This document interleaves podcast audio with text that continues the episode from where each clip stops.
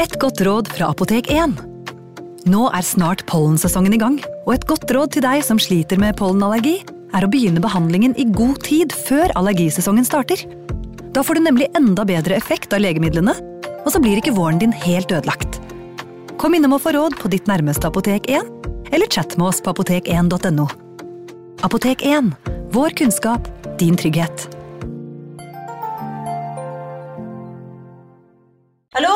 Jeg kommer fra Oslo politikammer. Ine Jansen er purk. Er du purk? The motherfucking bitch. Alt jeg vil, er å finne ut hva som skjedde med mannen min. Jon Carew. Er jeg sikta for noe? Iben Akeli. Det er du. Ole So, Lars Berrum og Big Daddy Karsten. Hvem sin side er du på, egentlig? Anette Hoff, Tone Danielsen, Kommer du fra Afrika? Jørnis Josef, Nesten. Kløfta. Trond Espen Seim, Det er synd å si det, men det var feil mann som døde. Purk. Premiere tirsdag på TV2 Play. Ungsamtalen fra DNB er økonomisk veiledning tilpasset deg som er ung. Bokk en ungsamtale på dnb.no. slash ung. Det er kjempebra hvis du skal inn på boligmarkedet, hvis det er drømmen din, liksom. Det er det du skulle sagt. Og så kunne du ropt litt mer, da, sånn som jeg gjorde. Bam! Advarsel. Historiene vi forteller i denne podkasten, kan være fiktive og avvike fra den opprinnelige historien av dramaturgiske årsaker. Meninger og påstander i historiene reflekterer nødvendigvis ikke programledernes meninger eller virkeligheten.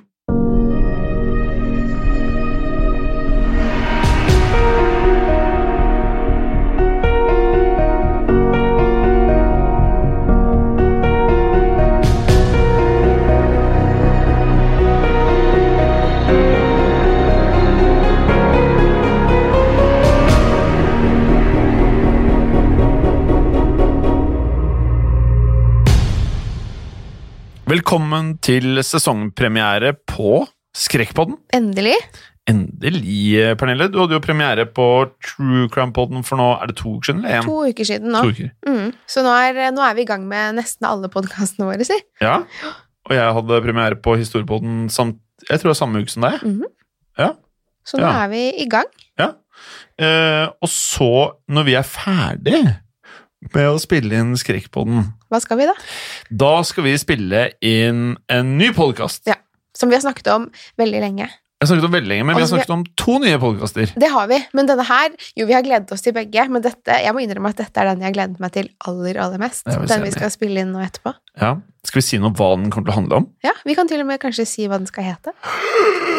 Vil du si det? Eh, jeg kan si det, men Ja. du kan også få si det, du, Jim. Den heter Nei, du kan si det. Den heter Mørkredd med Jim og Pernille. Åh. Og jeg foreslo faktisk at den skulle hete Pernille og Jim, men du sa at det hørtes bedre ut med Jim og Pernille. Ja, men det gjør det. Ja, ja, jeg kan være enig. Og så er jeg ganske beskjeden. Ja, det. og det er jo veldig behagelig. At uh, man, eh, man tenker på den andre. Ja, det, det var derfor. Men i Mørkredd, Mm. hva, hva kan lytterne forvente seg der, vil du si? Det er akkurat det de hører nå. Masse prat? Ja, vi har jo Det er jo både elsket og hatet denne pratingen vår på, på starten av uh, Skrekkpodden-episoden, så vi bestemte oss rett og slett for å lage en egen podkast hvor vi prater om det vi liker best, som er skrekkfilmer, TV-serier Altså alt dette her eh, i dette skrekkuniverset, da. Mm. Så det er det vi skal gjøre. Uh, ja, og da, da blir det i motsetning til med Skrekkpodden, True Crime-podden og den andre podkasten, så blir det jo egentlig litt uten manus, da. Ja. Altså blir, jeg, jeg kommer inn i studio for første gang da bare med Jeg har lagd eh, punkter fra ting jeg har sett på TV, på fjernsynet, eh, Netflix, HBO.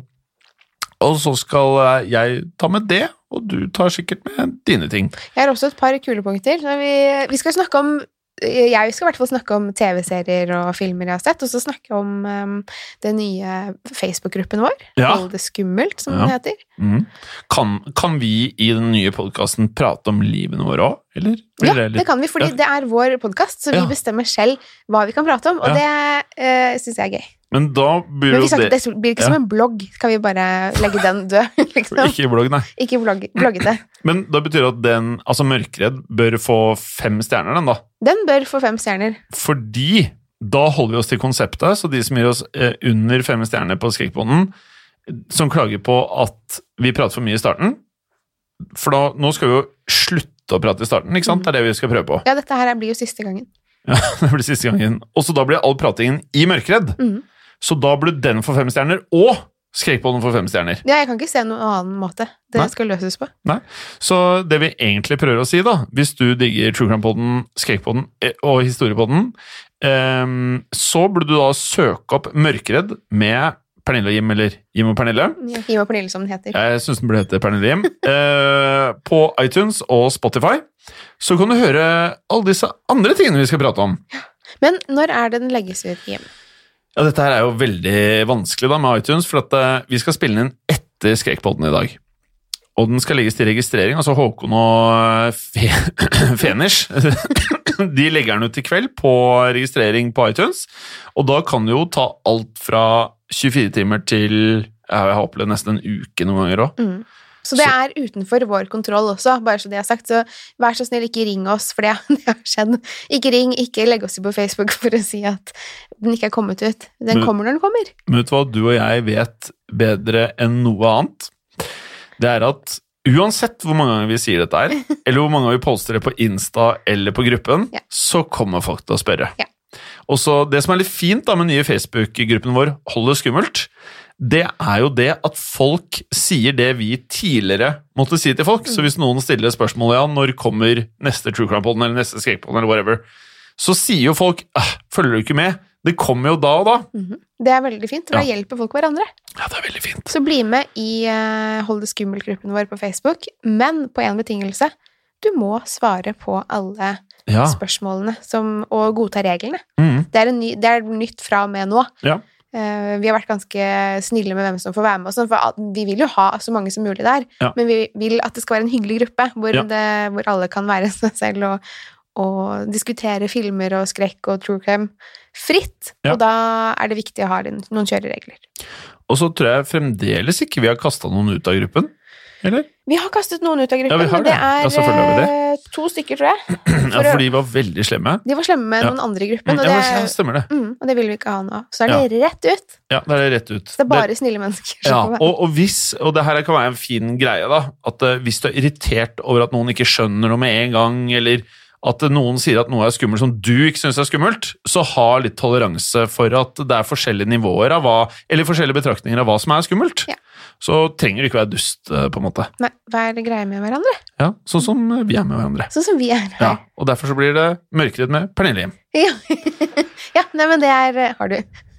Ja, ja, ja. Jeg, har jo sendt over covergreiene til at det blir med Pernille. Altså. Ja, så da Ja, men da er jo den grei, da. Ja. Men jeg, jeg setter pris på omtanken din. Ja.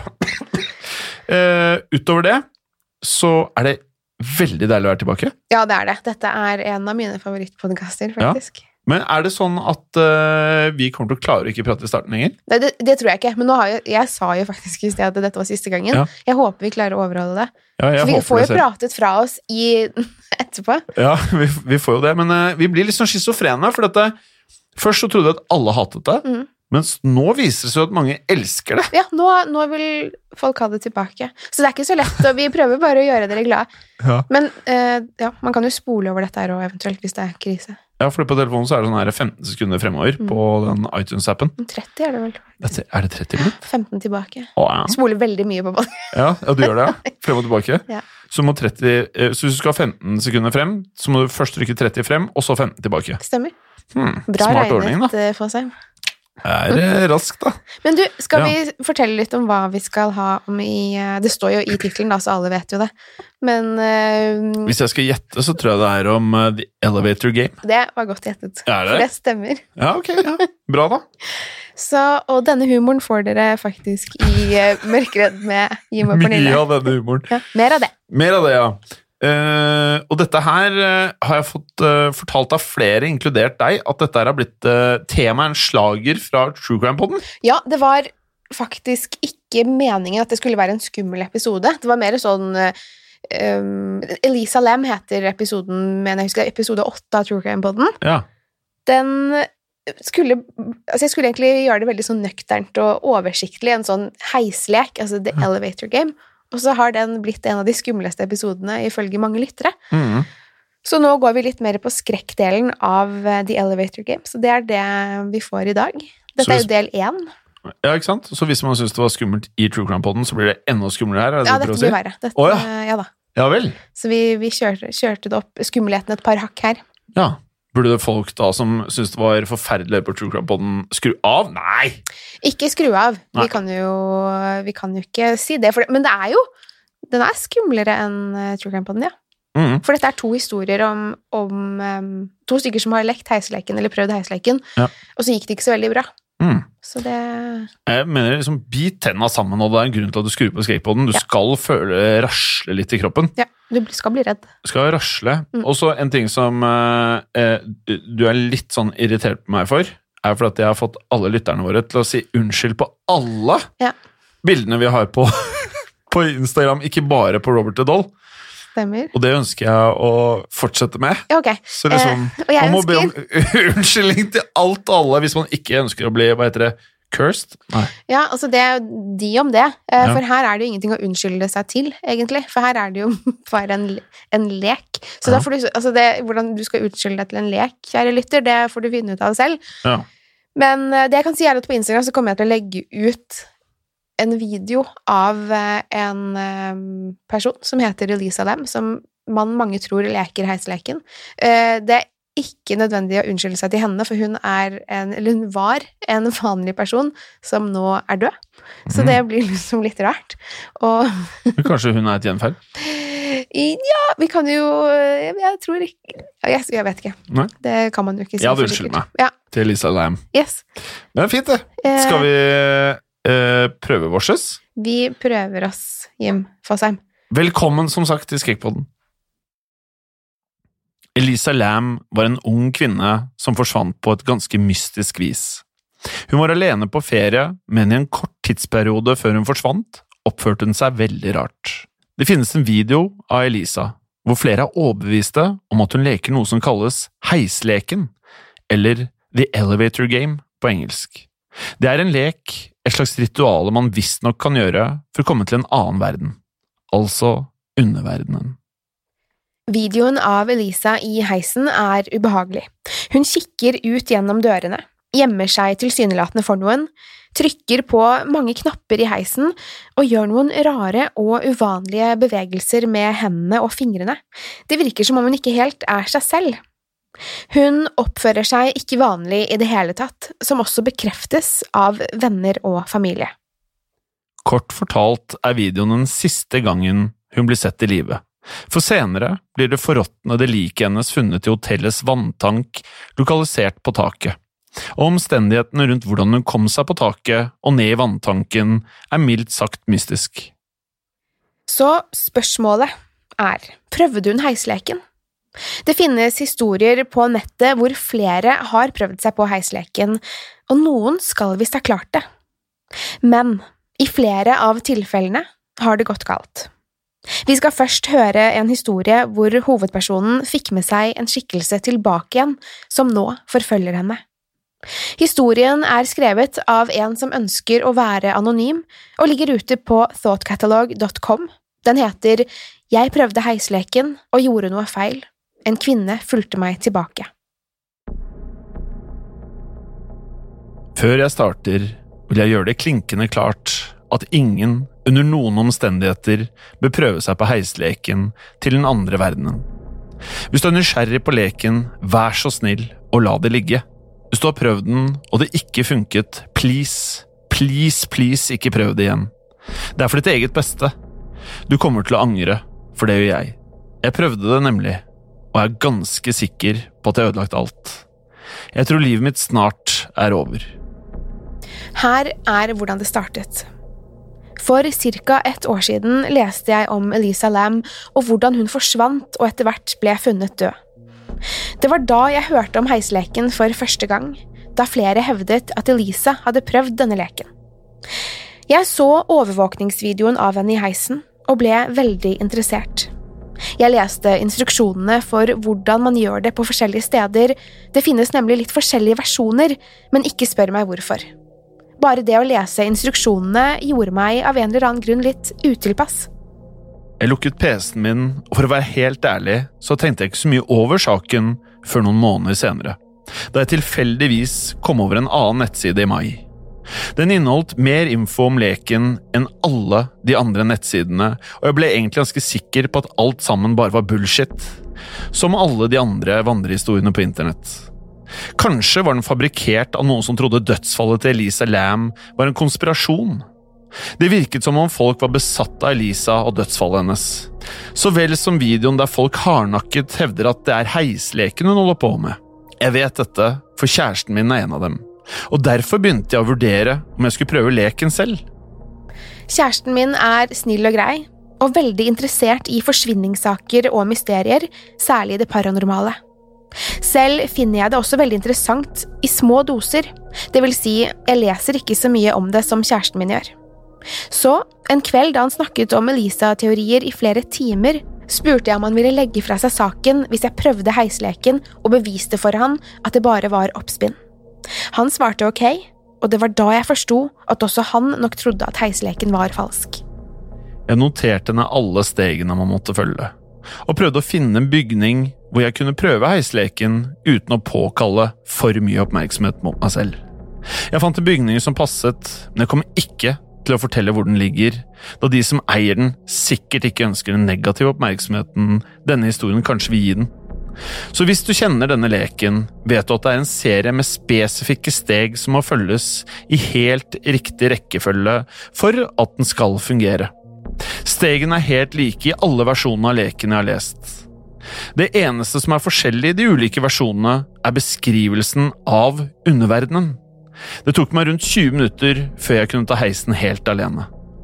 Det var en ganske ny heis, eller hele bygningen var jo ny, så det var ingenting skummelt med situasjonen. Ikke noen heismusikk, ingenting. Alt var derfor klart for å følge stegene i riktig rekkefølge. Og her er stegene. Steg 1. Bygningen må ha minst ti etasjer, og bare én person kan gjøre dette av gangen. Gå inn i heisen alene, fra første etasje. Hvis noen kommer inn i heisen mens du skal gjøre dette, må du vente til du er alene igjen. Steg to. Trykk på fjerde etasje, og vent til heisen åpner dørene i fjerde etasje. Steg tre. Gå ikke ut av heisen. Trykk på knappen til andre etasje. Steg fire. Vent til dørene åpner seg. Gå ikke ut av heisen i andre etasje, men vent til dørene lukker seg, og trykk på knappen til sjette etasje. Steg fem. Her skal du heller ikke gå ut, bare trykke på knappen som tar deg til andre etasje igjen. Steg seks. Ikke gå ut av heisen. Trykk på knappen til tiende etasje. Vent til dørene åpner seg. Det er her flere begynner å høre stemmer i heisen. Ikke svar dem, uansett hva de sier til deg. Steg syv. Ikke gå ut i tiende etasje. Bli i heisen og trykk på knappen til femte etasje. Det er her damen kommer inn. Damen kan være ukjent, eller hun kan være en du kjenner. Hun vil komme til å prøve å snakke med deg. Ikke svar henne under noen omstendigheter. Ikke se på henne. Ikke engang anerkjenn at hun er der. Dette er veldig viktig. Steg åtte. Nå skal du trykke på knappen til første etasje. Om heisen istedenfor går opp til tiende etasje, har du gjort ritualet riktig. Hvis heisen går ned til første etasje, har du gjort noe feil. Da er det veldig viktig at du kommer deg ut så fort som mulig i første etasje. Husk å ikke se på eller snakke til damen i heisen. Steg ni. Om du kommer til tiende etasje, kan du velge å gå ut eller å bli i heisen. Om du velger å gå ut av heisen, kan det hende damen snakker til deg igjen. Ikke svar henne. Lat som om hun ikke er der. Hun kommer kanskje til å skrike etter deg, og du kommer til å bli veldig redd. Ikke hør på henne. Du er nå i den nye verden. Alt ser kanskje likt ut. Det eneste som er forskjellig, er at du er den eneste som er der. For å komme deg tilbake til den vanlige verden igjen, må du gå inn i akkurat samme heis som du brukte sist. Gjør alle stegene i motsatt rekkefølge, helt til du kommer til femte etasje. I femte etasje trykker du på knappen til første etasje igjen. Ikke bli redd eller få panikk om heisen går opp til tiende, men trykk for all del på hvilken som helst knapp så du ikke kommer deg til den tiende etasjen. Dette er veldig viktig. Når du er kommet til første etasje, sjekk at alt er normalt før du går ut. Hvis noe bare er litt utenom det vanlige, som for eksempel lyder, lys eller lukter, er du ikke tilbake igjen. Da må du ikke gå ut av heisen. Om du mener at alt er vanlig, kan du gå ut som om ingenting har skjedd, men nåde deg om du finner ut senere at noe er annerledes. Alt gikk bra frem til steg syv. Jeg hørte ingenting på steg seks, så jeg trykket på knappen til tiende etasje. Da jeg skulle gå til steg åtte, gikk alt feil. Det var da alt startet, og det er min egen feil. En kvinne kom nemlig inn da heisen var i femte etasje. Problemet er at jeg aldri fikk muligheten til å ikke se på henne, for jeg så på lysene over døren, de som viser hvilken etasje man er i, og jeg ble overrasket da heisen plutselig stoppet. Da kvinnen kom inn, hadde jeg allerede blikket på døren og så rett på henne. Det var dumt av meg. Det er jo opplagt at jeg burde se et annet sted, eksempel på knappene jeg skal trykke på, eller hva som helst annet, egentlig. Med en gang tenkte jeg ja ja, det går sikkert bra, hele leken er jo bare oppspinn, men jeg må innrømme at jeg var veldig nervøs. Da jeg trykket på knappen til første etasje igjen, konsentrerte jeg meg om å holde blikket ned i gulvet. Så begynte kvinnen å snakke. Hun var ganske liten, denne kvinnen. Jeg hadde sett henne da hun kom inn, liten og ganske pen. Håret var lysblondt, og jeg hadde lagt merke til de grønne øynene hennes. Grønne øyne og fregner. Hun snakket til meg, snakket om at det hadde vært en ulykke i femte etasje, og spurte om jeg kunne bli med henne tilbake for å hjelpe til. Det var jo veldig rart, hvorfor skulle noen gå inn i en heis for å be om hjelp? Hun kunne da ikke vite om noen ville være der? Jeg svarte ikke, sa ingenting. Det var så rart, så ubehagelig, men ikke for alt i verden skulle jeg snakke med henne. Det var sikkert. Kvinnen ga seg ikke. Hun sa det igjen, det med ulykken i femte etasje, og denne gangen virket hun irritert, nesten sint. Jeg ignorerte henne. Den tredje gangen hun snakket til meg, var alt annerledes. Hei, din forbanna idiot, jeg snakker til deg! Hun var rasende. Herregud, jeg kan nesten ikke beskrive med ord hvor skummelt det var. Håret på armene mine reiste seg, og jeg ble svimmel og kjente at adrenalinet skyllet gjennom kroppen min. Jeg tror kanskje jeg flyttet meg enda lenger inn i hjørnet av heisen og stirret intenst på heisknappene mens jeg lurte på hvorfor det tok så lang tid å flytte seg fem etasjer. Vi skulle ha vært i første etasje for lengst, men av en eller annen grunn ble vi stående i tredje etasje selv om jeg kjente at heisen beveget seg. Før jeg visste ordet av det, hadde kvinnen gått fra å kjefte på meg til å gråte stille og trøstesløst. Men på en måte som fikk det hele til å virke påtatt og nesten patetisk. Når jeg nå tenker tilbake på det, husker jeg at jeg ikke følte for å trøste henne. Jeg følte heller avsky. Jeg følte sinne og hat fordi hun ikke stoppet å gråte. Det var nesten slik at jeg kunne kjenne kroppen hennes riste. Så voldsomt gråt hun og lyden fylte heisen så mye at jeg ikke taklet det mer. Hatet fylte plutselig kroppen min som et altoppslukende mørke, og jeg hadde ikke lenger kontroll over hva jeg gjorde. Jeg snudde meg lynraskt og ropte hold kjeft! mens jeg tok tak i det blonde håret og dunket hodet hennes inn i heisdøren igjen og igjen og igjen. Jeg klarte ikke å stoppe, og blodet sprutet på veggene, men hun fortsatte å gråte høyere og kraftigere enn tidligere, før lyden brått endret seg. Nå lo hun. Med ett forsto jeg at det var akkurat dette hun ville. Og ikke bare det, jeg hadde anerkjent henne. Enda verre, jeg hadde rørt ved henne, dratt henne i håret og skadet henne. Jeg hadde gitt henne akkurat hva hun ønsket at jeg skulle gjøre. Akkurat det man ble advart mot, hadde jeg gjort. Heisdøren åpnet seg. Vi var tilbake i første etasje. Da jeg snudde meg, smilte kvinnen til meg. Hun så fornøyd ut, som om hun hadde fått viljen sin. Hun holdt blikket mitt mens hun fortsatt smilte, og tok et steg baklengs ut av heisen, så jeg ikke kunne komme forbi. Dørene smalt igjen, og heisen begynte å bevege seg i voldsom fart oppover. Jeg trykket hysterisk på hver eneste knapp, til ingen nytte. Fortere og fortere gikk heisen og ga meg et sug i magen. Jeg følte meg svimmel. Plutselig stoppet den. Tallet ti lyste over dørene, og de åpnet seg. Utenfor var det ingenting. Det var bare en etasje i bygningen, med kontorer og mennesker som satt og svarte på telefoner og skrev på datamaskiner. Alt var liksom helt vanlig. Jeg trykket på knappen til første etasje, og heisen flyttet seg i vanlig fart nedover. Dørene åpnet seg til lobbyen, og jeg gikk ut av heisen og skyndte meg bort til døren. Jeg ville ut av bygningen så fort som mulig, og prøvde å roe meg ned da jeg kom ut på gaten.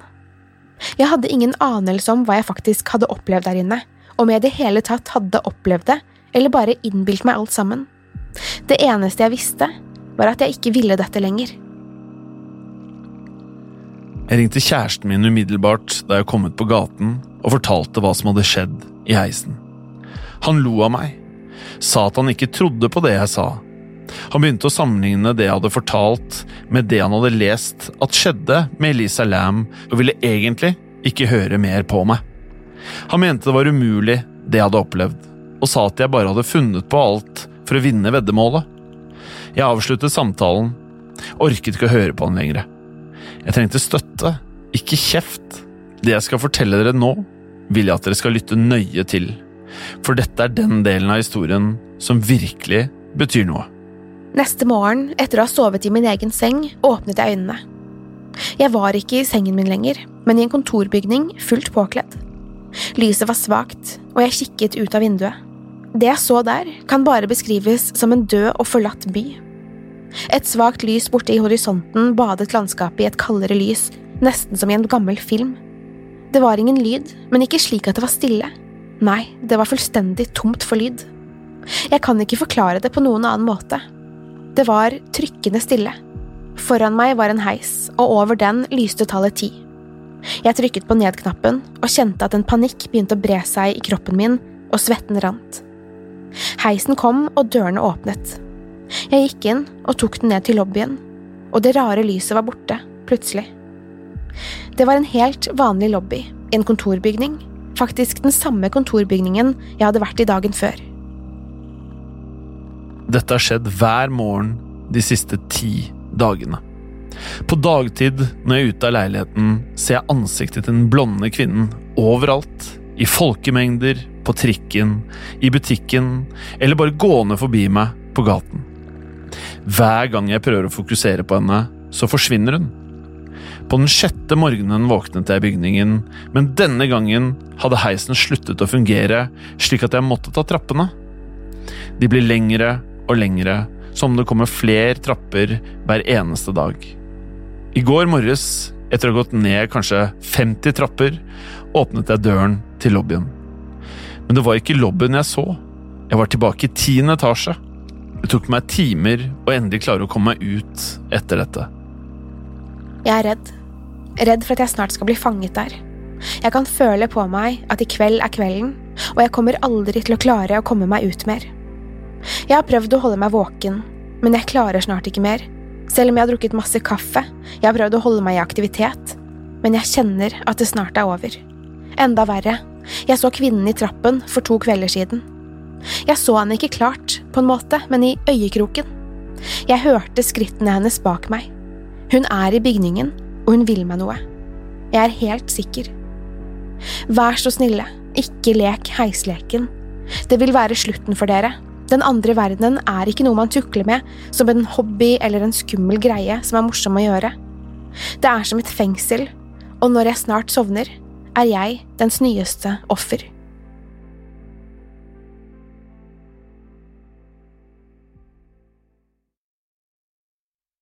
En annen historie om heisleken er denne.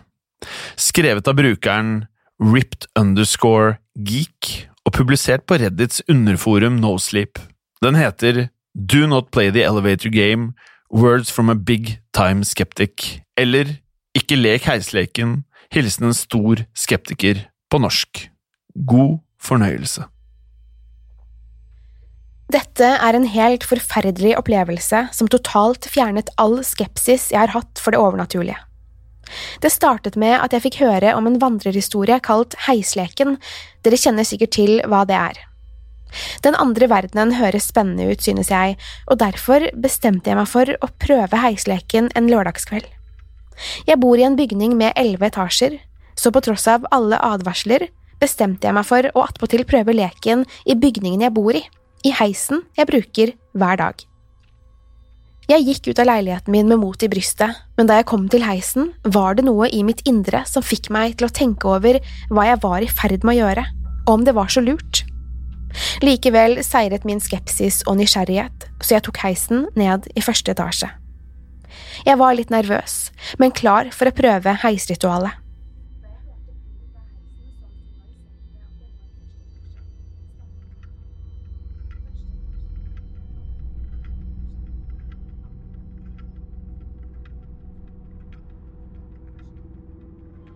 Ingen verdens ting skjedde. Selv om jeg skal innrømme at jeg hadde hjertet i halsen under hele seansen. Til min skuffelse kom det ingen kvinne inn i heisen i femte etasje. Og heisen gikk ikke direkte til tiende etasje etter å ha vært i første. Jeg hørte ingen stemmer. Det var en slags seier for min skepsis. Jeg følte på et snev av hovmod da jeg gikk gjennom gangen på vei til min egen leilighet. Jeg vant, på en måte. Men kvelden fortsatte, og jeg, jeg fikk ikke sove. På dager hvor jeg har hatt mye å gjøre, pleier jeg som regel å sovne rundt halv tolv. Det var noe som var annerledes akkurat denne kvelden. Noe kjentes feil, uten at jeg klarte å sette fingeren på akkurat hva det var. Jeg lå lenge og vred meg fra side til side. Fant liksom aldri en behagelig stilling, og kroppen kjentes urolig. Jeg må ha sovnet til slutt, for jeg våknet plutselig våt av svette. Etter å ha dusjet og spist frokost, gikk jeg ut for å handle litt mat. Til min overraskelse var heisen ute av drift. Jeg håpet litt i mitt stille sinn at det kanskje var på grunn av heisleken jeg hadde prøvd kvelden før, men glemte fort de tankene. Jeg tok trappen, og resten av dagen forløp ganske normalt. Rundt klokken ti på kvelden var jeg klar for å legge meg. Jeg var så trøtt etter å nesten ikke ha sovet natten før. Akkurat idet jeg hadde lagt meg ned i sengen, hørte jeg et høyt, skingrende skrik utenfor døren til leiligheten. Det var litt merkelig, for de eneste som bodde i etasjen min, var på ferie.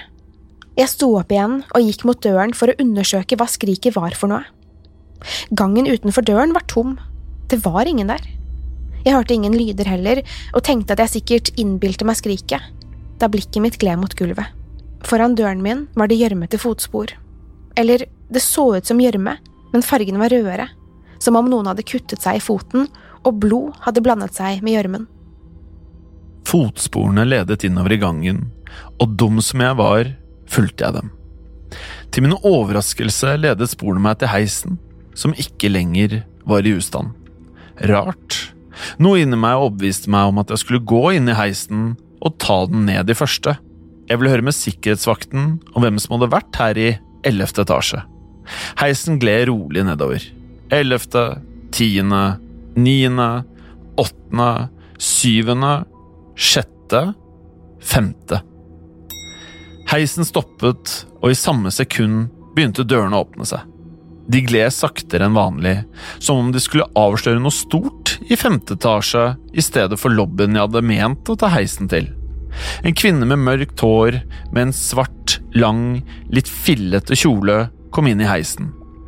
Av en eller annen grunn kjentes det veldig feil, og en kald redsel bredte seg i kroppen min. Alt jeg ønsket, var å løpe ut av heisen. Jeg var som frosset til is og klarte ikke røre meg. Jeg fortsatte å stirre på kvinnen, og blikket vandret ned til føttene hennes. Nå forsto jeg hvor fotsporene utenfor døren min kom fra. Grålig, gjørmete hud med store flenger som blødde. Og lukten. Herregud, den råtne lukten. Det var som om tusen døde kropper kom inn i heisen med henne. Jeg så oppover og merket at ansiktet hennes var altfor nære mitt. Den grå huden i ansiktet hennes, det mørke håret. Hun stirret meg rett i øynene og smilte. Jeg klarte ikke puste. Kvinnen sto der helt urørlig og stirret på meg med et ondskapens smil. Det var da jeg forsto at den eneste måten å komme seg ut av heisen i live, var å fullføre heisleken. Jeg trykket på knappen til første etasje, og heisen begynte å gå oppover.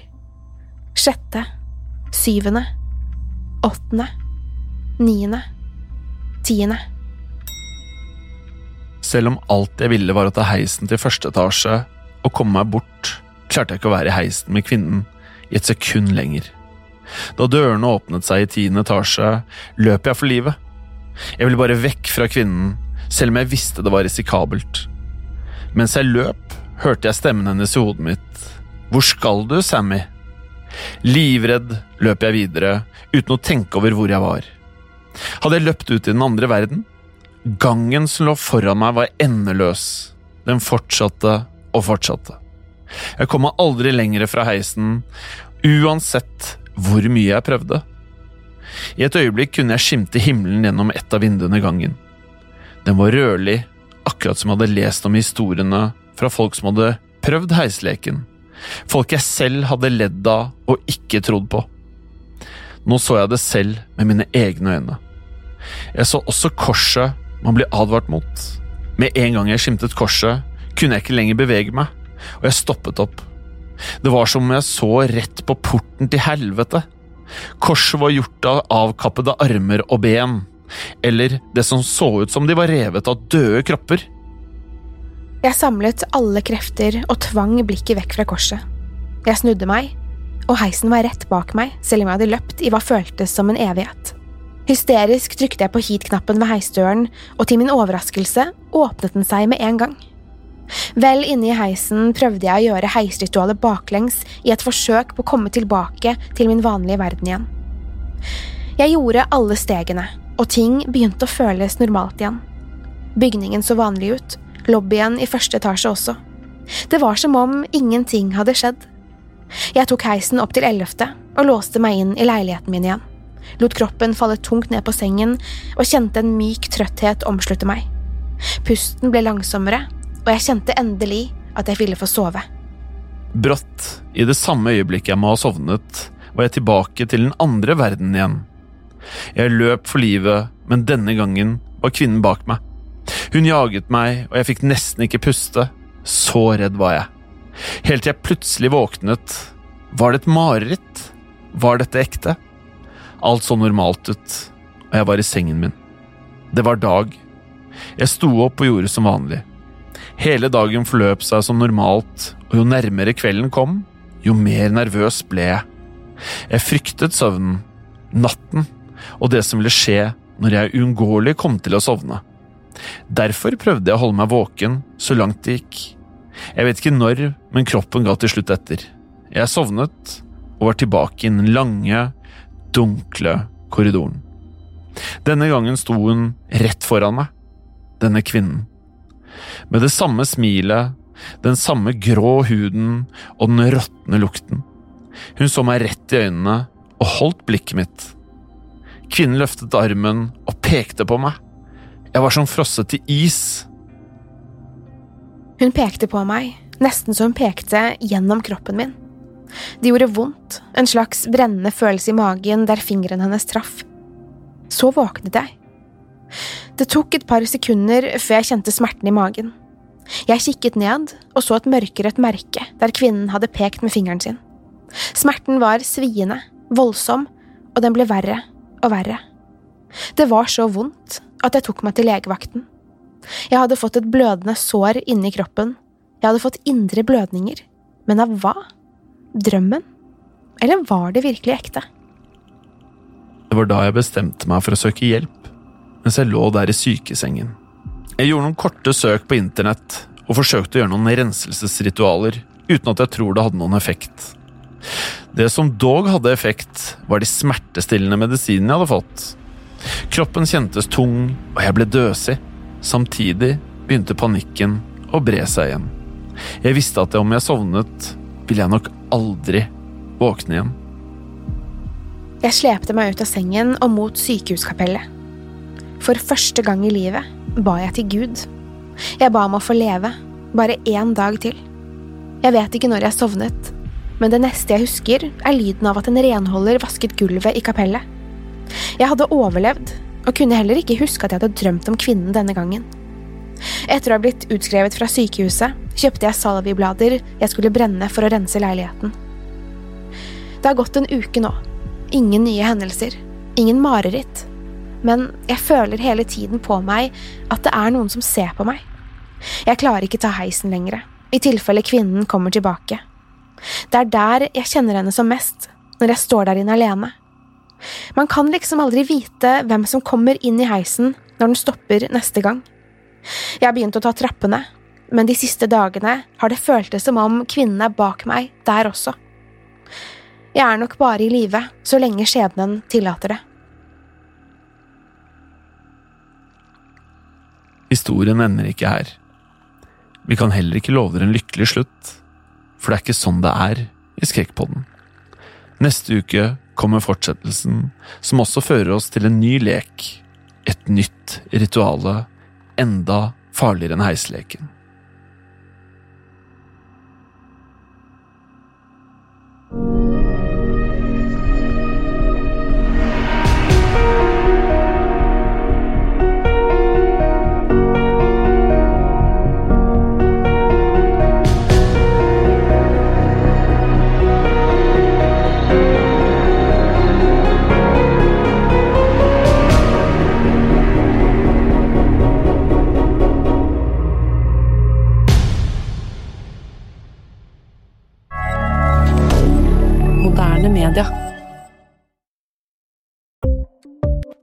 Ukens annonsør er Folio, en smartere banktjeneste for deg som har en egen bedrift eller ønsker å starte for deg selv. Folio er en superenkel nettbank for bedrifter. Som kunde i Folio får du en bedriftskonto med et bedriftskort og app. I denne appen er det smarte løsninger som forenkler regnskapet ditt, uansett om du har en liten bedrift eller et enkeltpersonsforetak. Folio er både intuitivt og brukervennlig, og er laget med et enkelt språk. I tillegg tilbyr de forutsigbare priser og ingen skjulte gebyrer. Skulle du likevel trenge det, så kan du snakke med deres raske og hyggelige kundeservice, og der får du prate med en faktisk person og ikke en chatbot.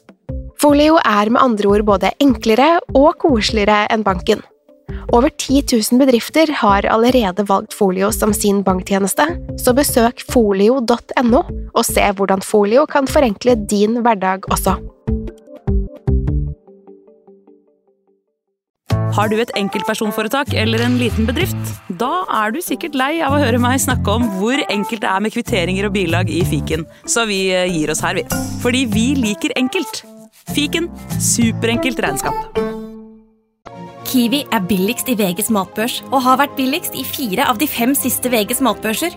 Og nå presser vi prisene på frukt og grønnsaker. På 200 gram broccolini setter vi prisen til 24,90. På 400 gram Cevita blåbær setter vi prisen til 49,90. Og husk, alle Kiwi Pluss-kunder får i tillegg 15% trumfbonus på all fersk frukt og grønt. For det er vi som er prispresserne. Og vi i Kiwi gir oss aldri på pris.